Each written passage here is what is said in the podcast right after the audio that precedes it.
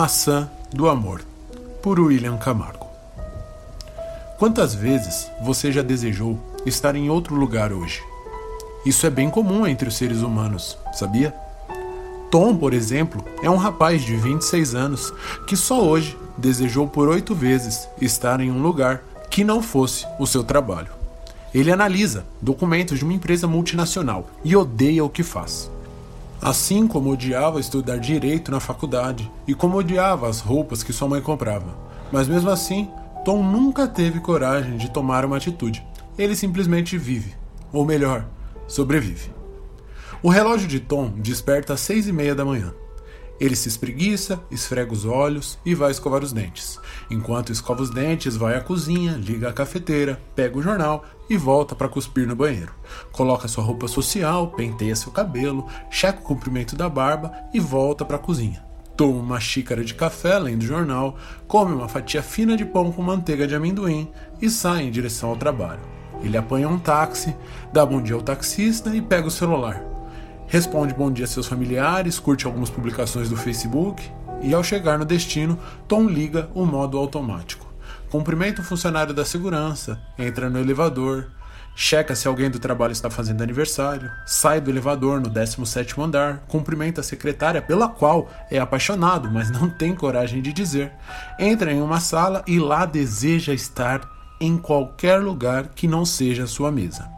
A cada documento carimbado e analisado, ele se sente perfurado por um tiro de escopeta. Mesmo sem nunca ter entrado em uma briga na vida sequer. Tom volta para casa, come comida congelada, assiste a filmes que já viu e vai dormir. Até o relógio despertar às seis e meia e repetir sua rotina todo santo dia. Certo. Agora, vamos falar um pouco sobre nós.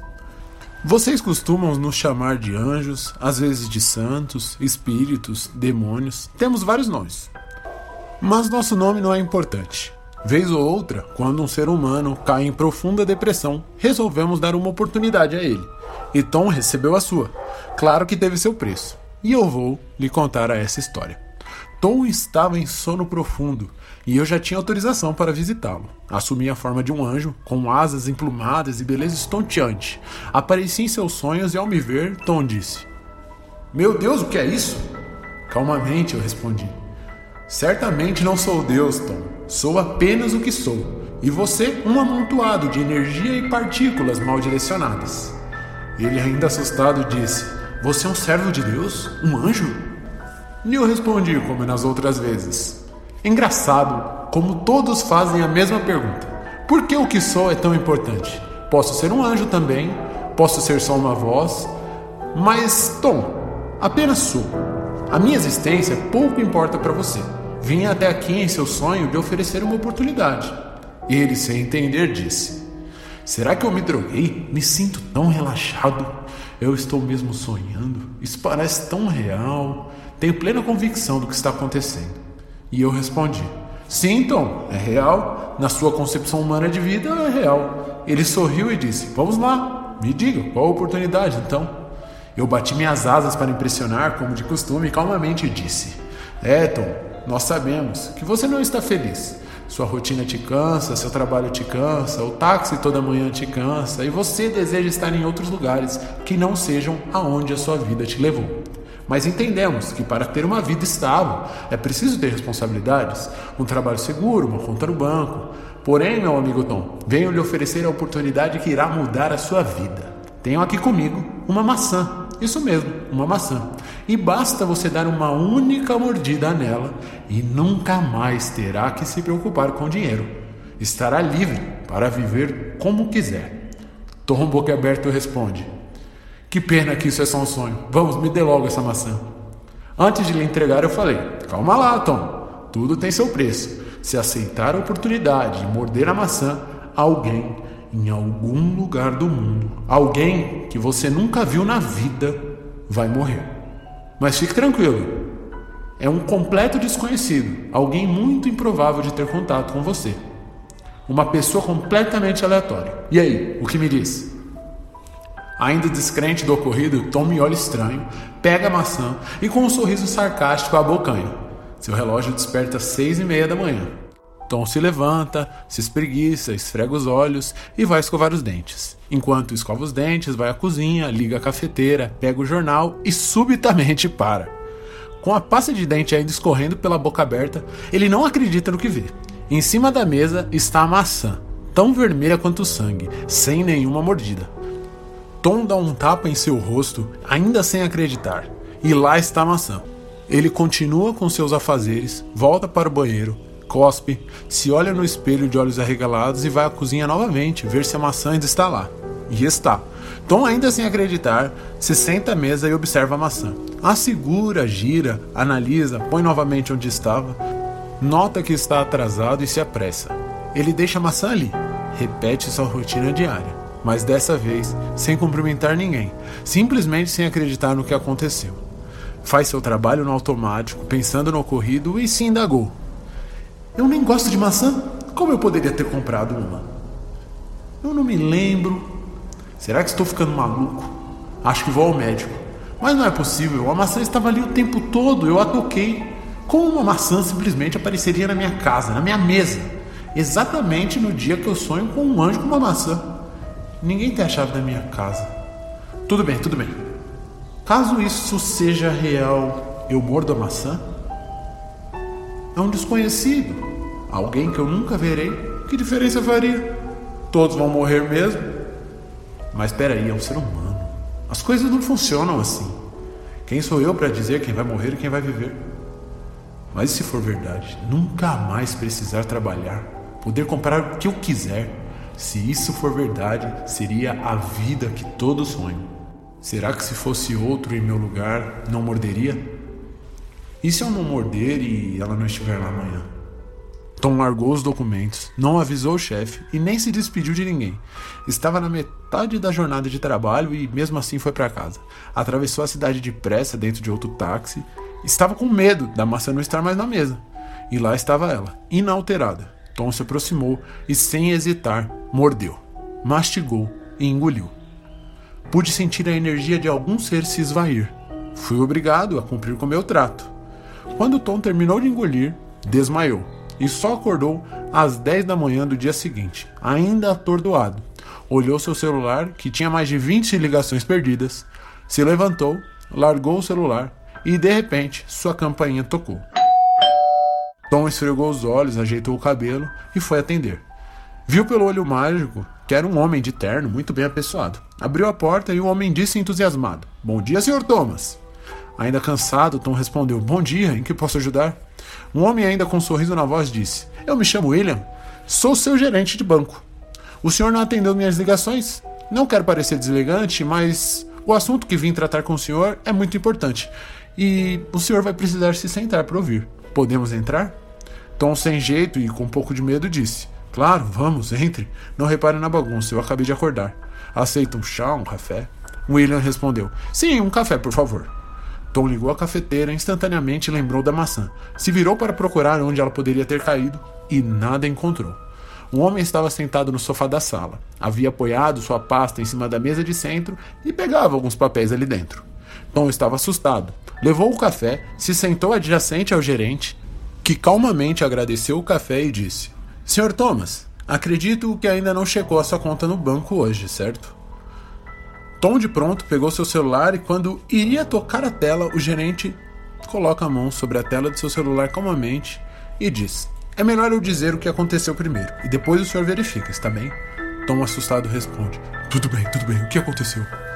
O homem de terno sorri e diz: Sr. Thomas, na noite de ontem, o mercado de ações da China fez uma manobra de investimentos que decorreu em investimentos aleatórios em pequenas ações, como as que o senhor possuía.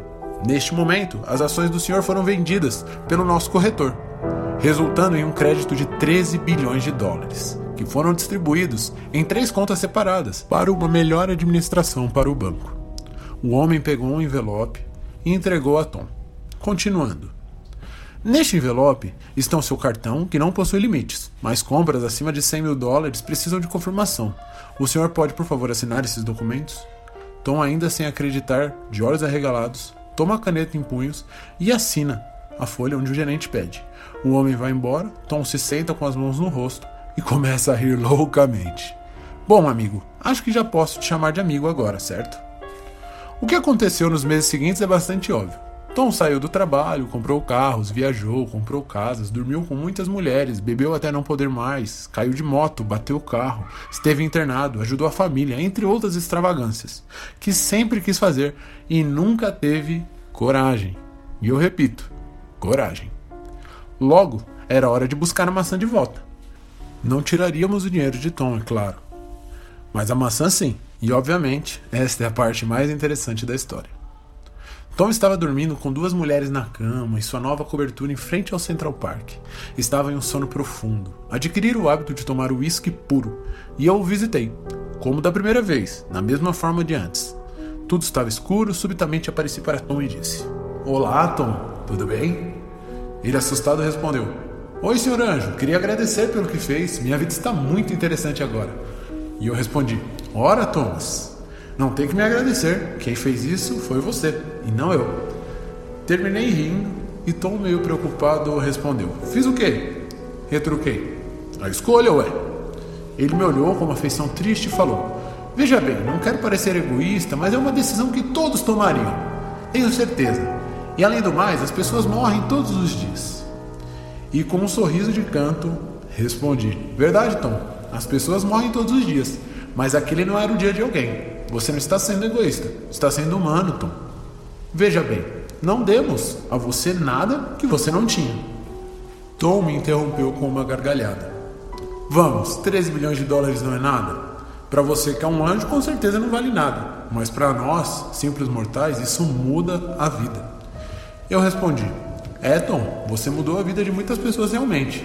Mas eu não estava mentindo. Tudo que você fez com seus 13 bilhões, que agora já são 16, você poderia ter feito sem eles. Talvez não da mesma forma, mas poderia. Bem, raciocine comigo. Sei que este cérebro aí tem se exercitado pouco, mas faça um esforço. Você comprou carros para te levar para lá e para cá. Você viajou, conheceu lugares, fornicou com fêmeas da sua espécie e comeu comidas rebuscadas que nunca tinha visto, certo? Bom, Tom, agora eu, como seu amigo, o levarei em uma viagem pela sua própria memória e mostrarei cenas onde você esteve mais feliz do que está agora. Vem! Me aproximei e toquei na sua testa. Uma pequena descarga eletromagnética e pronto. Direcionei sua consciência para os momentos de sua memória. O primeiro foi aos 12 anos, quando comeu pavê de chocolate de sua avó. Depois, aos 15 anos, quando foi à praia com seus pais e conseguiu surfar em uma prancha de isopor. Avançamos aos 16, quando ele beijou a primeira garota na escola.